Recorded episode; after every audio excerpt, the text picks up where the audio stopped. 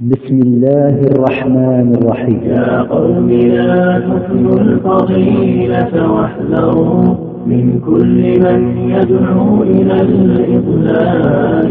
ممنوع الاقتراب. فقد عانينا منهم كثير. وضحاياه يملؤون السجون. ولقد هدد الأسرة. وزلزل القيم والأخلاق. امنعوا الاختلاط. وعند اختلاف الجنسين. ثلاثة أرباع وقت فراغهم يضيع بحثا عن الحب واللهو. وتحدث الإثارة فهم يطاردون زميلاتهم إلى بيوتهن وكذلك ينشدون من قصائد الحب والغزل ما لا يرضاه الذوق والخلق. فهذا الاختلاف يعمق الثقة بين الرجل والمرأة. يا قوم ما في الاختلاط سوى الأذى وبقاؤنا في أرذل الأحوال. ثم انظروا يا قوم في من حولنا. ممن أطاعوا دعوة الإضلال. وإذا ضاع الشرف قلنا له أين هي الثقة الآن؟ فتراها يتفرجون على اغتصابها. ولما ضاعت القيم ضاعوا الأبناء. وكذلك فقدان الثقة بين الأزواج. ماذا حدث؟ ماذا حضارت الزوجة مع زميل لها في العمل. لأنها تحب. أو تتوهم أنها تحب. لما تخالط بالرجال نساؤهم ذهبت كرامتهم كطيف خيالي شاء الفساد بأرضهم وتخالطت أنسابهم وبقوا بأرذل حال؟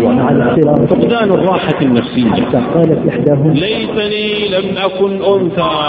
ولماذا؟ أعجز عن تخطيط شخصية. وقال النبي صلى الله عليه وسلم إياكم والدخول على النساء. إن الذين يحبون أن تشيع الفاحشة في الذين آمنوا لهم عذاب أليم في الدنيا والآخرة والله يعلم وأنتم لا تعلمون واختلاط الرجال بالنساء سبب لكثرة الفواحش والزنا والزنا. من أسباب الموت العام والطواعين المتصلة نشر الاختلاف استخدموا تعليم المرأة لنشر هذا البلاء. وبدأت خطوات الشيطان من رياض الأطفال. وفي برامج الإعلام. وركن التعارف الصحفي بين الأطفال. وتقويم طاقات الزهور بين الجنسين في الاحتفالات.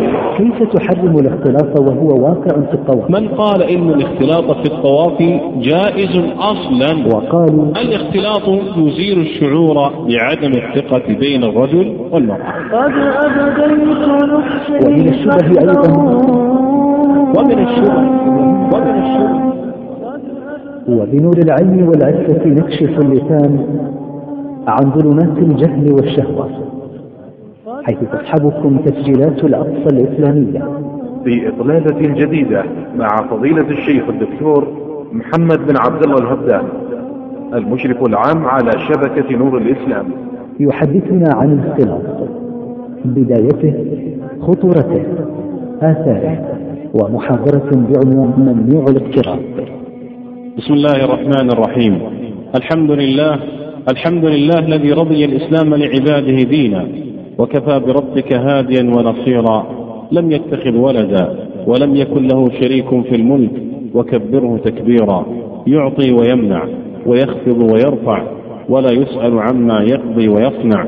لا شريك له في ملكه ولا ند له في حكمه ولا ظهير له ولا وزير ولا شبيه له ولا نظير ذلت الجبابرة لعزته وانكسرت النفوس لهيبته وخشعت القلوب لعظمته فأشهد أن لا إله إلا الله وحده لا شريك له وأشهد أن محمدا عبده ورسوله وصفيه وخليله صلى الله عليه وعلى آله وصحبه أجمعين. أيها الإخوة والأخوات دعونا نحلق بكم في هذه اللحظات خارج هذه البلاد. نعم خارج هذه البلاد. لنرى من آيات الله تعالى ما يكون لنا عبرة ومدكرا وآية ومعتبرا. فإن هؤلاء أقوام مرت بهم تجارب وخاضوا غمار أحداث فحري بنا. أن ننظر إليها ونتأمل فيها فما كان من خير أخذنا به وما كان من شر توقيناه. يقول الله عز وجل قل سيروا في الأرض فانظروا كيف كان عاقبة المجرمين.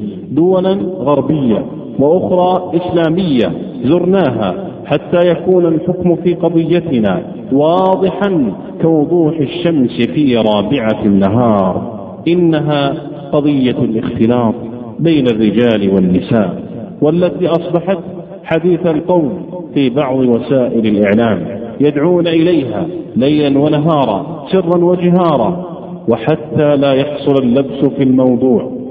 لا بد أن نعرف قضية هي من الأهمية بمكان وهي أن اللقاء الذي يحصل بين الجنسين لقضاء حاجة سريعة كسؤال عن حاجة. أو استفتاء في مسألة أو شراء لسلعة فهذا غير داخل في كلامنا وغير داخل في محل النزاع. إذا أمنت الفتنة وتوفرت الضوابط الشرعية في لقاء النساء بالرجال الأجانب كالحجاب وعدم الخضوع بالقول وعدم الخلوة ونحو ذلك. إذا سيكون الحديث معكم.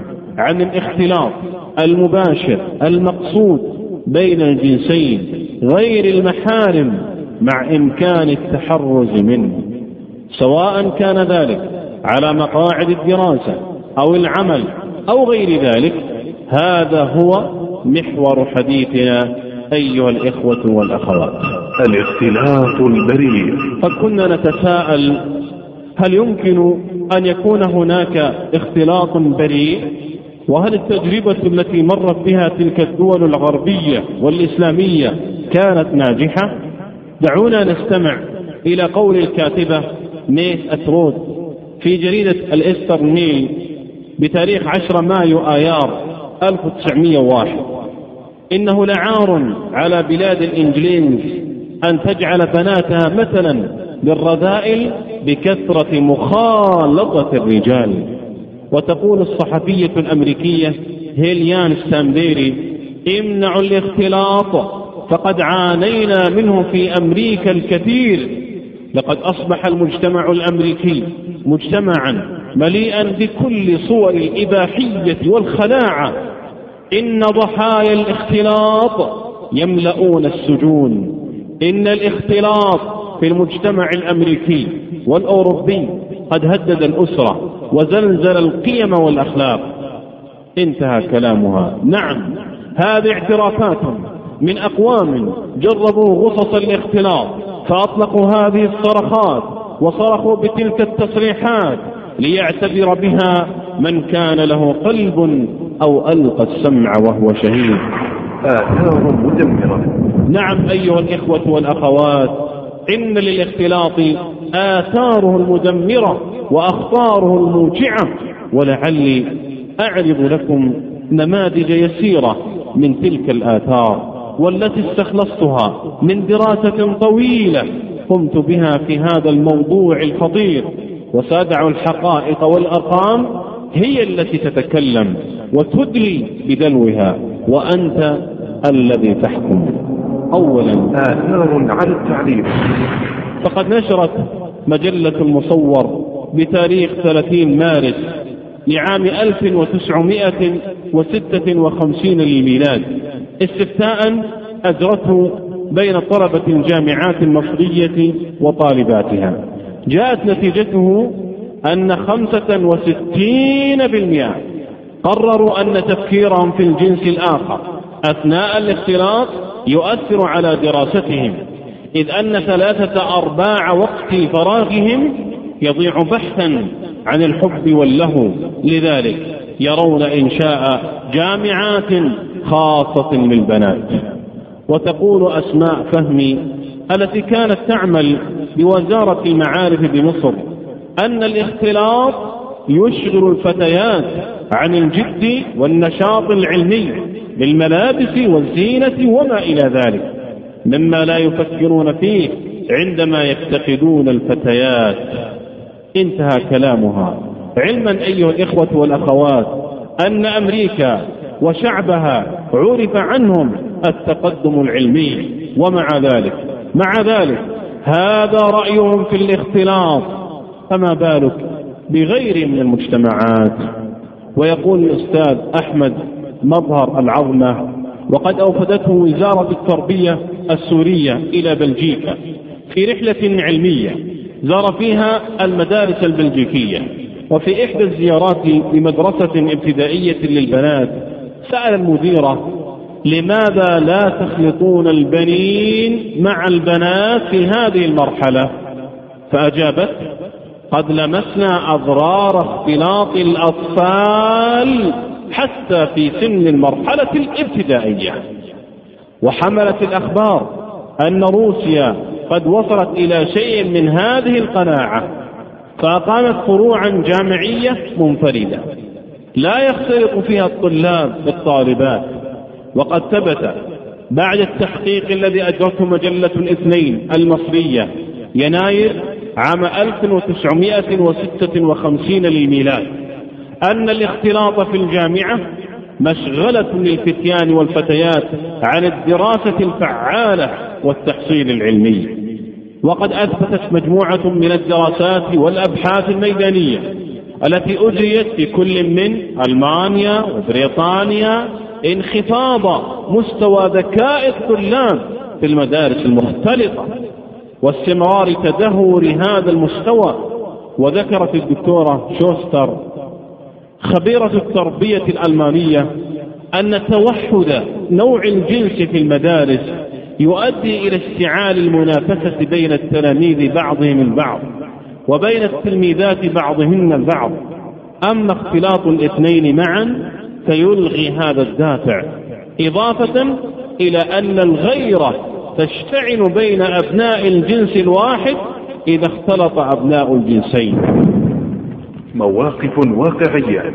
وهذه بعض المواقف التي تحكي واقع الطلاب والطالبات في المدارس المختلطة. تقول طالبة بكلية الحقوق إن زميلها الفتى يقضي هذه المرحلة من التعليم مفكرا في جد واهتمام في أقرب طريق لعقد صفاقات تعارف مع الطالبات. تبرأ منها الزمالة العلمية الحقة. وقد طلب أحدهم مرة كراسة محاضراتها بدعوى حاجته لنقل ما فاته من الدروس. ففوجئت. فوجئت به وهو يعيدها إليها وقد دس بين أوراقها رسالة غرام عابث رخيص. وقالت طالبة أخرى في كلية الآداب إن بعض زملائها في الكلية لم يأتوا لطلب العلم وإنما أتوا ليطلبوا القرب من الطالبات. فهم يتأنقون إلى حد مبتدل ويمضغون اللبان ويستعرضون أمام زميلاتهم استعراضا لغزو قلوبهن وشكت طالبة ثالثة من حرص زميلها على ركوب الحافلة التي تركبها كل صباح وإصراره على أن يجد لنفسه مكانا بجوارها وطلبوا أن يحمل حقيبتها. وألقى الطالبتان أخريان باللائمة على زميلاتهن اللاتي يلطخن وجوههن بمواد الزينة وهن في طريقهن إلى الجامعة. ويرتدين من الملابس الضيقة والخفيفة ما لا يتناسب مع قدسية العلم. ويحرصن على إحاطة أنفسهن بأكبر مجموعة من الزملاء المعجبين المغرمين. وقالت السادسة إنه مما يؤسف له أن بيننا زملاء ما يزالون رغم أنهم في الجامعة أطفالا فهم يطاردون زميلاتهم إلى بيوتهن وينشدون من قصائد الحب والغزل ما لا يرضاه الذوق والخلق. هذا بعض ما يجري في داخل أسوار الجامعات المختلطة. فيا لله. أين الذين يقولون إن عزل الطلاب عن الطالبات تزمت ورجعية وتخلف وهمجية؟ هؤلاء في المرحلة الجامعية ومع ذلك تحدث منهم تلك التصرفات. فهل صدق القائلون بأن الاختلاط يعمق الثقة بين الرجل والمرأة؟ فأين هي؟ أين هي الثقة الآن؟ يقول محمد الوسمي رحمه الله ذات يوم شاهدت رتلا من السيارات يواصل سيره إلى مكان معين فسألت عن هذه السيارات وهدفها فعرفت أنها رحلة جامعية مختلطة. ركبت سيارتي وتبعت القافلة وما زلت أتابعها حتى وصلت إلى نويصيب مكان. وهنا شاهدت شيئا مؤسفا ومحزنا. قد رأيت الطلبة والطالبات مثنى مثنى أي أن كل طالبة وطالب يبتعدان عن محط القافلة وينفردان ببعضهما في مكان نائم سألت السائق فقال هذا شيء عادي ويحدث كل مرة. فأين الذين يقولون؟ أين الذين يقولون إن التعليم من شأنه أن يرتفع بعقل المرأة والرجل عن مستوى عبث الغرائز ولهو العواطف؟ ها هي التجربة الآن. تحكي واقعا مريرا. ليس من طلاب وطالبات المرحلة الثانوية بل المرحلة الجامعية بل وما بعد الجامعة. من أساتذة الجامعات ومثقف المجتمع. ورموزه نعم. إننا قد نثق بأبنائنا وبناتنا ولكننا لا نثق بالشيطان الذي يحرش بينهم. ثانيا آثار على الأعراض. فقد تسبب في كثرة الفواحش والتحرشات الجنسية وتزايد حالات الإجهاض وكثرة أولاد الزنا وبالتالي انتشار الأمراض الفتاكة والتي فتكت بحياة وصحة الكثير من الفتيان والفتيات. يقول جورج رائيلي والسبب الآخر الخطير الذي عمت لأجل الفوضى الجنسية في المجتمع أن النساء لا يزلن يتهافتن على الأشغال التجارية ووظائف المكاتب والحرف المختلفة حيث تسنح لهن فرص الاختلاط بالرجال صباح مساء. وقد حط ذلك من المستوى الخلقي في الرجال والنساء. وقد حذرت الكاتبة الإنجليزية الليدي كوك من أخطاره وأضراره حيث كتبت محذرة في جريدة الآيكو وقالت على قدر كثرة الاختلاط تكون كثرة أولاد الزنا. وها هنا البلاء ها هنا البلاء العظيم على المرأة. لقد دلنا الإحصاء على أن البلاء الناتج من حمل الزنا يتعاظم ويتفاقم حيث يكثر اختلاط النساء بالرجال. ولقد ذكر الأستاذ محمد رشيد العويد في كتابه إنهم يتفرجون على اغتصابها أنه تم كشف استطلاع أعدته وزارة الداخلية البريطانية أن ثمانين بالمئة من ضابطات الشرطة أي بنسبة أربعة إلى خمسة يتعرضن للمضايقات الجنسية خلال نوبات العمل الرسمية. أليست نسبة مفزعة أربعة أخماس الشرطيات عفوا ضابطات الشرطة يتعرضن للمضايقات الجنسية. ومتى؟ متى؟ خلال نوبات العمل الرسمية. خلال العمل على حفظ الأمن. فإذا كان هذا حال ضابطات الأمن فبالله عليكم ما حال غيرهن من النساء؟ ثالثا آثار على الأسرة. ضياع الأبناء وكثرة العوانس وفقدان الثقة بين الأزواج. وانتشار الطلاق. وقد بين الدكتور سليفان هذا بقوله إن السبب الحقيقي في جميع مفاسد أوروبا وفي انحلالها بهذه السرعة هو إهمال النساء للشؤون العائلية المنزلية ومزاولتهن الوظائف والأعمال اللائقة بالرجال في المصانع والمعامل والمكاتب جنبا إلى جنب. انتهى كلامه. ومن القصص التي حصلت مواقف واقعية. ما ذكر أحدهم قائلا بعد عامين من زواجي ألحت علي زوجتي بأن تعمل من أجل حياة أفضل. رفضت في بادئ الأمر وعملت مربية في أحد المعاهد براتب بسيط جدا. وبعد عام ركب الغرور رأسها. طلبت أن تعمل في الوزارات أو في المؤسسات. قنعت بذلك لثقتي بأخلاقها وشدة حرصها على سمعتها وكرامتها ولأنها أم لطفل صغير. لم تمضي بضعة أشهر على عملها في مؤسسة ما حتى حدثت المأساة الخطيرة التي لم تكن في حسباني ماذا حدث؟ ماذا حدث؟ حدث أن طارت الزوجة مع زميل لها في العمل. عندما زين لها فكرة الهرب وسلب رشدها بمعسول الكلام فكان له ما أراد. ونشرت مجلة حواء المصرية في عددها الصادر عام 1970 للميلاد عن امرأة تقول ما يلي إنها سيدة متعلمة.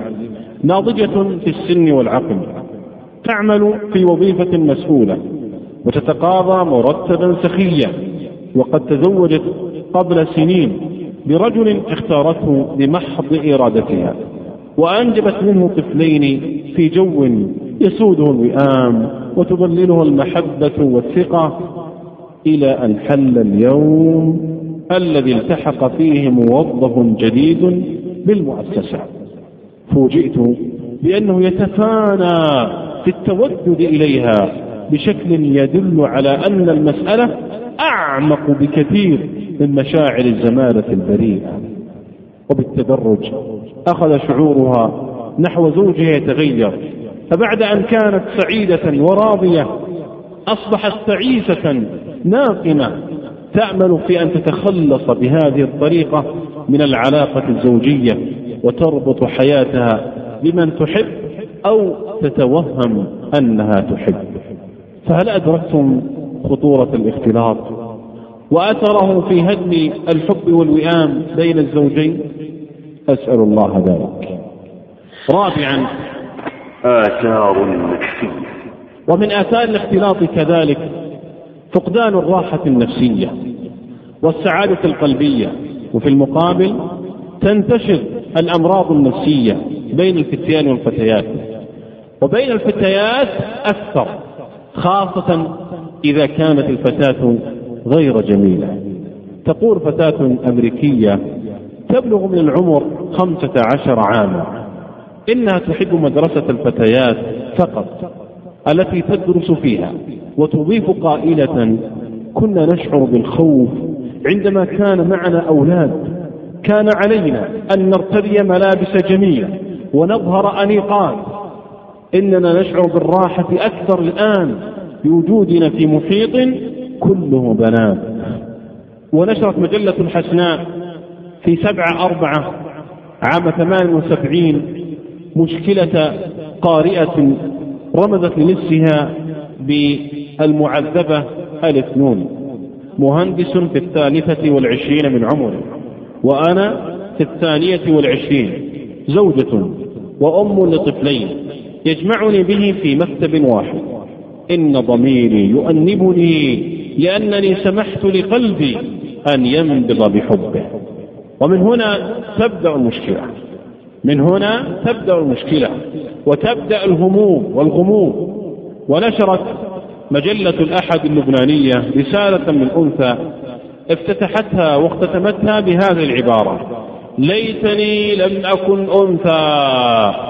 وقالت خلال سطورها إنني مضطرة لمسايرة بنات جنسي ولأكسب إعجاب الرجال أن أطلي وجهي بالأحمر والأبيض والأسود وإذا ما كنت في مجتمع رجالي حاولت أن أتقمص الشخصية التي تروقهم فأنا حينا رصينة هادئة وطورا لعوب مغناج وآونة أخرى ساذجة غريرة وفي أحيان كثيرة أتصنع الهبل كل ذلك كل ذلك في سبيل أن أحوز إعجاب كل طائفة من الرجال. ولذا أعجز عن تخطيط شخصيتي أو فهم نفسيتي. ليتني ليتني لم أكن أنثى. إذا لانطلقت في هذا العالم الواسع. أمشي على هواي وألبس على هواي وأتحدث على هواي. انتهى كلامها. أفليس هذا الذي تعترف به هذه الفتاة العصرية من حيرة وضياع هو نتيجة طبيعية لخروج المرأة عن فطرتها وانصرافها عن وظيفتها واهتمامها بغشيان مجتمعات الرجال وإنشاء صداقات معهم للظفر بإعجاب كل واحد منهم على اختلاف الأهواء والأمزجة في نفوس الرجال.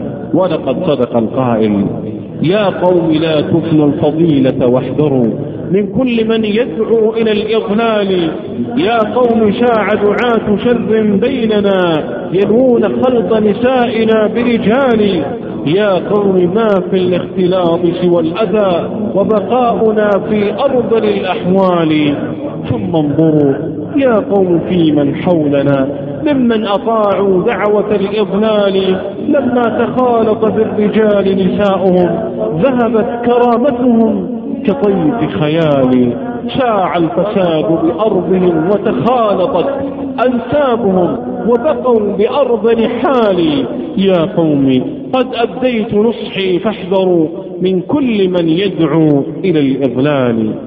هذه أيها الإخوة والأخوات بعض آثار الاختلاط والسؤال بعد هذا العرض هل يحتاج العقلاء إلى أدلة لتحريم الاختلاط بعد أن عرفوا بعض آثاره الفتاكة؟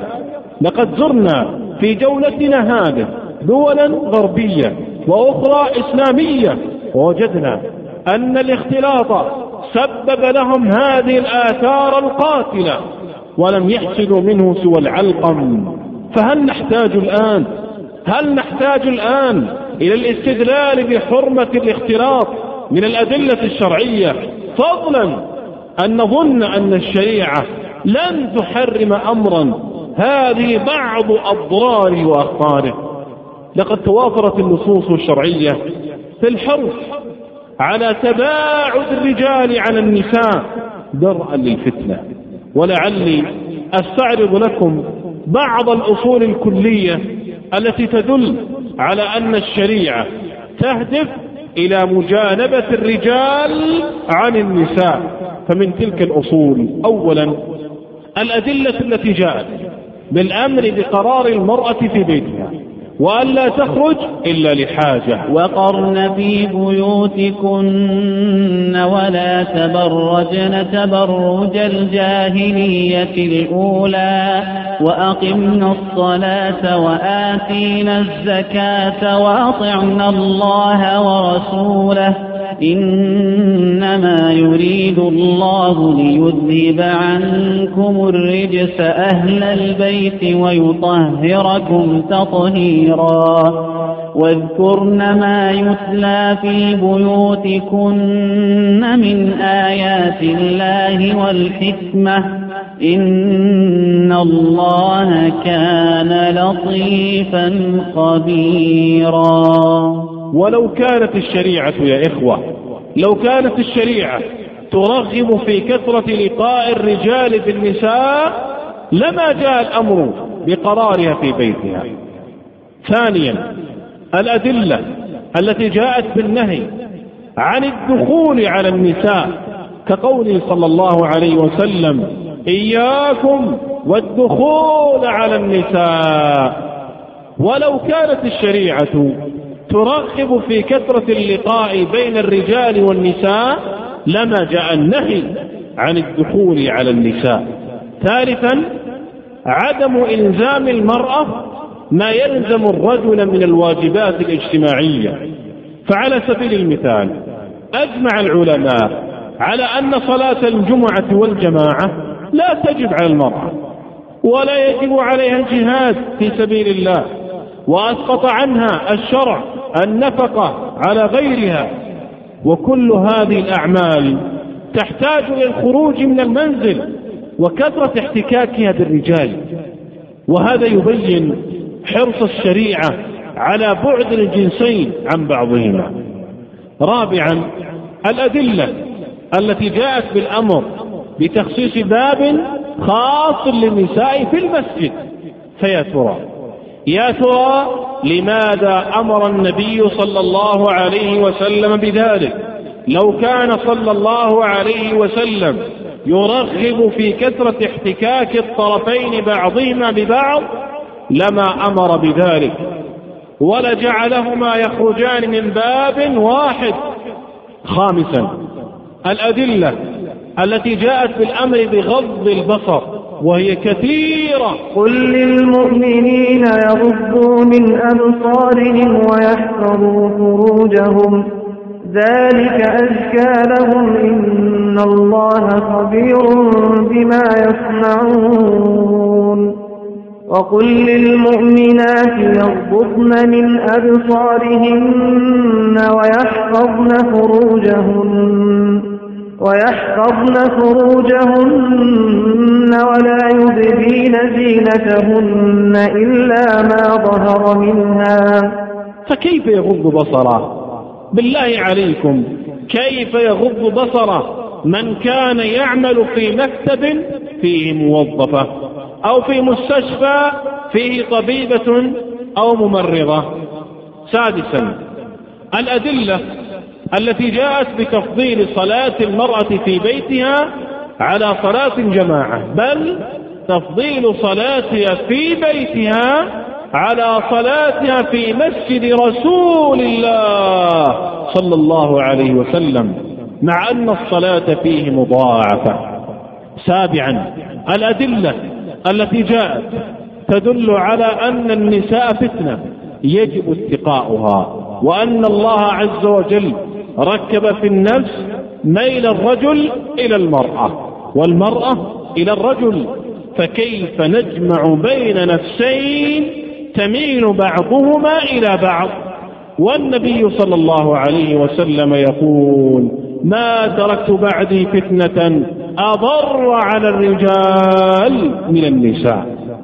ثامنا الأدلة التي جاءت بأن يتريث الرجال في الانصراف من المسجد حتى تخرج النساء.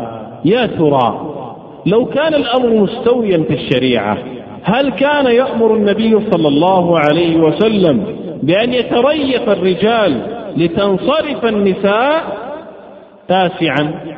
الأدلة التي جاءت في بيان أن خير صفوف النساء آخرها وشرها أولها. وخير صفوف الرجال أولها وشرها آخرها. ألا يدل ذلك على تأكيد الشريعة انفصال الرجال عن النساء؟ يقول الإمام النووي رحمه الله وإنما فضل آخر صفوف النساء الحاضرات مع الرجال لبعدهن من مخالطة الرجال ورؤيتهم وتعلق القلب بهم ثم رؤية حركاتهم وسماع كلامهم ونحو ذلك. وذم أول صفوفهن لعكس ذلك والله أعلم. أقوال العلماء. وقد تتابعت أقوال العلماء في بيان حرمة الاختلاط وضرره العظيم على المجتمع. فمن تلك الأقوال ما قال ابن القيم رحمه الله لا ريب أن تمكين النساء من اختلاطهن بالرجال أصل كل بلية وشر وهو من أعظم أسباب نزول العقوبات العامة كما أنه من أسباب فساد أمور العامة والخاصة. واختلاط الرجال بالنساء سبب لكثرة الفواحش والزنا وهو من أسباب الموت العام والطواعين المتصلة. ولما اختلط البغايا بعسكر موسى عليه السلام وفشت فيهم الفاحشة أرسل الله عليهم الطاعون فمات في يوم واحد سبعون ألفا والقصة مشهورة في كتب التفاسير فمن أعظم أسباب الموت العام كثرة الزنا بسبب تمكين النساء من اختلاطهن بالرجال والمشي بينهم متبرجات متجملات. ولا تقربوا الزنا إنه كان فاحشة وساء سبيلا. ولو علم أولياء الأمر لو علم أولياء الأمر ما في ذلك من فساد الدنيا والرعية قبل الدين لكانوا أشد شيء منعا لذلك. يقول عبد الله بن مسعود رضي الله عنه إذا ظهر الزنا في قرية أذن الله بهلاكها. انتهى كلام ابن القيم رحمه الله. وقالت اللجنة الدائمة للبحوث العلمية في المملكة اختلاط الطلاب بالطالبات والمدرسين بالمدرسات في دور التعليم محرم لما يفضي إليه من الفتنة وإثارة الشهوة والوقوع في الفاحشة ويتضاعف الأمر وتعظم الجريمة. إذا كشفت المدرسات أو التلميذات شيئا من عوراتهن أو لبسن ملابس شفافة تشف عما وراءها أو لبسن ملابس ضيقة تحدد أعضاءهن أو داعبن الطلاب أو الأساتذة ومزحن معهم أو نحو ذلك مما يفضي إلى انتهاك الحرمات. والفوضى في الأعراض. وقال الشيخ حمود ابن عبد الله الكويتي رحمه الله أقبح من ذلك ما يفعله بعض المنتسبين إلى الإسلام من خلط النساء بالرجال الأجانب في المدارس وصنوف الأعمال بحيث يجعل لكل رجل وامرأة أجنبية منه مجلس واحد لتتم العلاقة بينهما من قريب. وتحصل الفتنة والفاحشة بينهما بأدنى وسيلة. وهذا مما دب إليهم من قبائح الإفرنج ورذائلهم فالله المستعان. وقال الشيخ العلامة بكر ابن عبد الله أبو زيد حفظه الله حرم الاختلاط سواء في التعليم أو العمل والمؤتمرات والندوات والاجتماعات العامة والخاصة وغيرها لما يترتب عليه من هتك الأعراض ومرض القلوب وخطرات النفس وخنوثة الرجال واسترجال النساء وزوال الحياء وتقلص العفة والحشمة وانعدام الغيرة. انتهى كلامه. ومن هنا أيها الإخوة والأخوات يتبين أن هناك صورا كثيرة من صور الاختلاط. أفتى العلماء بحرمتها. صور محرمة. فمن تلك الصور أولا الاختلاط في دور التعليم كالمدارس والجامعات والمعاهد والدروس الخصوصية في المنازل. ومن تلك الصور ثانيا اختلاط الخدم الرجال بالنساء في البيوت أو العكس وهو اختلاط الخادمات بأهل البيت أعني الذكور. ومن تلك الصور ثالثا الاختلاط في الوظائف وأماكن العمل كالمستشفيات والمصانع والمؤسسات ونحوها. ومن تلك الصور رابعا الاختلاط في المحاضرات الطبية أو المؤتمرات أو المنتديات الاقتصادية ونحوها. ومن تلك الصور خامسا الاختلاط في المناسبات والزيارات بين الجيران والأعراس والحفلات. ومن تلك الصور سادسا الاختلاط في أماكن الترفيه والمنتزهات والتي تسمى اليوم بالأماكن العائلية ومن تلك الصور سابعا اختلاط الأولاد الذكور والإناث ولو كانوا إخوة بعد التمييز في المضاجع. فقد أمر النبي صلى الله عليه وسلم بالتفريق بينهم في المضاجع. وهنا سؤال. قد يتساءل المرء كيف بدأ البنات؟ وكيف انتشر في أمة الإسلام وهذه أخطاره وتلك آثاره. فأقول إن من يتأمل تاريخ المجتمعات العربية والإسلامية يتبين له أن بداية الاختلاط تمت من قبل أناس أرادوا بالأمة سوءا فاستخدموا تعليم المرأة لنشر هذا البلاء. وإنما كان التعليم أولى خططهم لأسباب. السبب الأول أن حاجة الناس إلى العلم لا تنقطع فالإقبال عليه غريزة دافعة إلى طلبه. والسبب الثاني أن التعليم يتضمن تنشئة الأجيال وهذه المدارس تصبغهم بصبغتها وتوجههم في وجهتها والسبب الثالث من خلال التعليم يمكن أن يستخدموا سياسة فرض الأمر الواقع. فيعلم المرأة ما لا يصلح إلا للرجال. فإذا تكاثرت النساء على هذا التخصص طالبن بوظائف وهنا يحصل ما لا تحمد عقباه. ومن المعلوم أن أهل الإسلام لا عهد لهم باختلاط نسائهم بالرجال الأجانب عنهن وإنما حصلت أول شرارة قدحت الاختلاط على أرض الإسلام من خلال المدارس الاستعمارية الأجنبية والعالمية وتبدأ من رياض الأطفال إلى التعليم الجامعي. وأول ما فتحت هذه المدارس في بلاد الإسلام في لبنان بإنشاء مدرسة للبنات في الإمبراطورية العثمانية سنة 1830 للميلاد. لأن البنات سيكون أمهات فإذا تربين في هذه المدارس النصرانية أثرن على أولادهن وكانت تعنى ببنات الأسر الغنية والبيوت الكبيرة التي ستكون لهن السيطرة على الجيل المقبل. ولهذا قال بعض دعاتهم إن مدرسة البنات في بيروت هي بؤبؤ عيني. وفي مصر أول من أدخل الطالبات في قسم الطلاب سافرات الوجوه هو لطفي السيد. ولأول مرة في تاريخ الجامعة المصرية يسانده في ذلك طه حسين وكامل مرسي وتحت الضغط الخارجي رضيت وزارة المعارف بالأمر الواقع واعتبار هذا من حقوق الفتيات.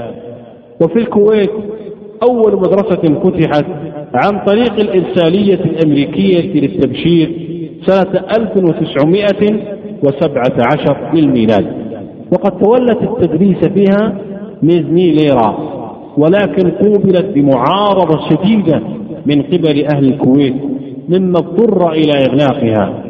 ثم فتحت أول مدرسة للبنات سنة 1937 للميلاد.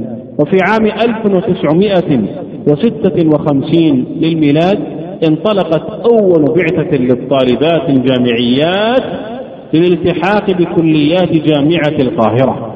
إذا أيها الإخوة والأخوات لا بد من التنبه إلى أن دعاة الإباحية لهم بدايات تبدو خفيفة وهي تحمل مكايد عظيمة في وضع لبنة الاختلاط في المجتمع فيبدأون بها من رياض الأطفال وفي برامج الإعلام وركن التعارف الصحفي بين الأطفال وتقديم طاقات الزهور بين الجنسين في الاحتفالات وهكذا وهكذا من دواعي كسر حاجز المفرد من الاختلاط بمثل هذه البدايات التي يستسهلها كثير من الناس فليحذر.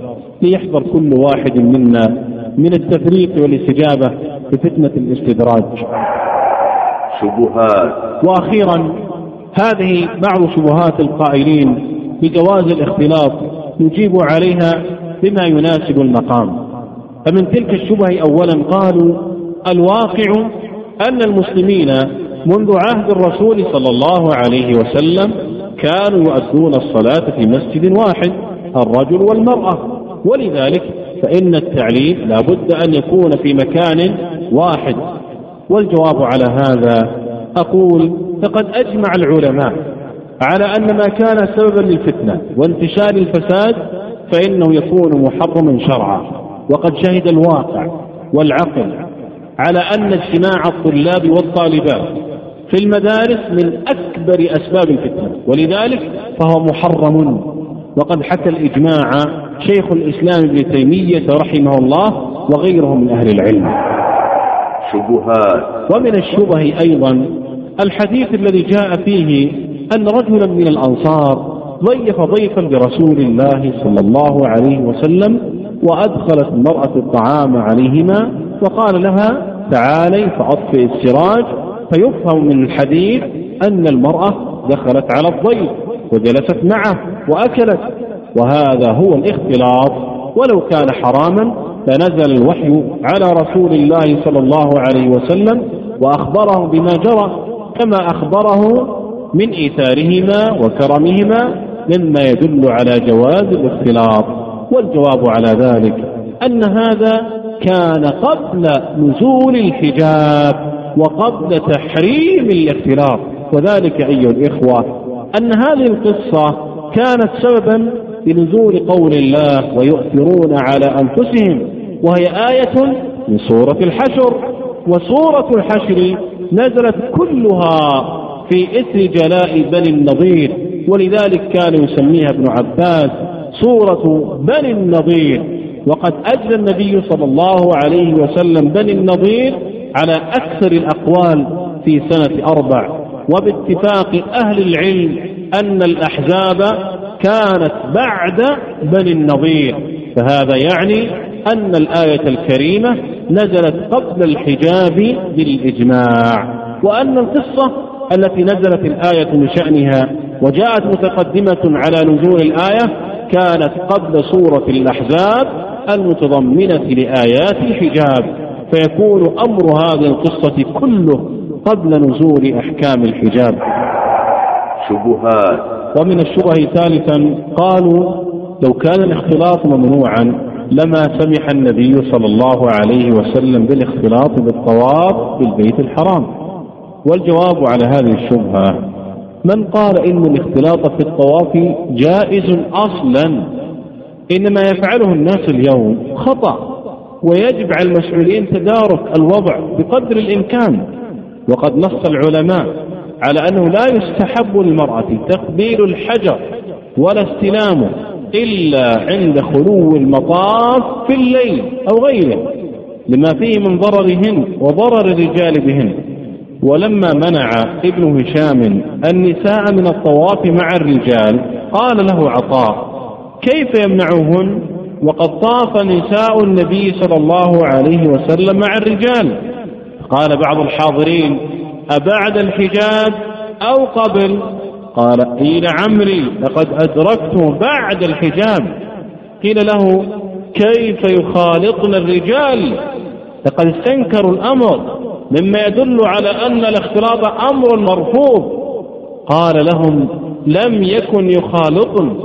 كانت عائشة رضي الله عنها تطوف في ناحية من الرجال لا تخالفها يقول الحافظ ابن حجر رحمه الله روى الفاكهي من طريق زائدة عن إبراهيم النخعي قال نهى عمر أن يطوف الرجال مع النساء قال فرأى رجلا معهن فضربه بالدرة أرأيتم؟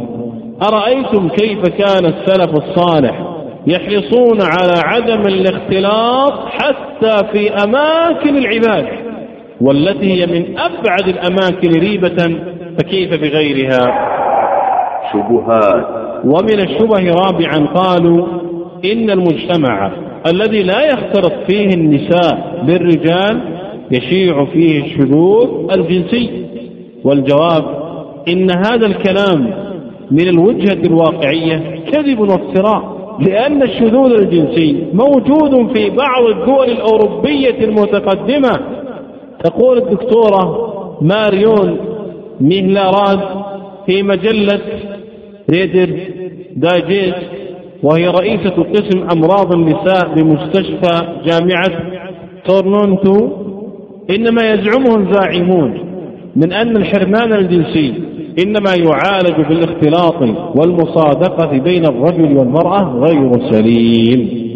ذلك أن الانغماس في العلاقات الجنسية ليس حلا للمشكلة وإنما حلها بممارسة نشاط بدني عنيف حرفي أو مهني.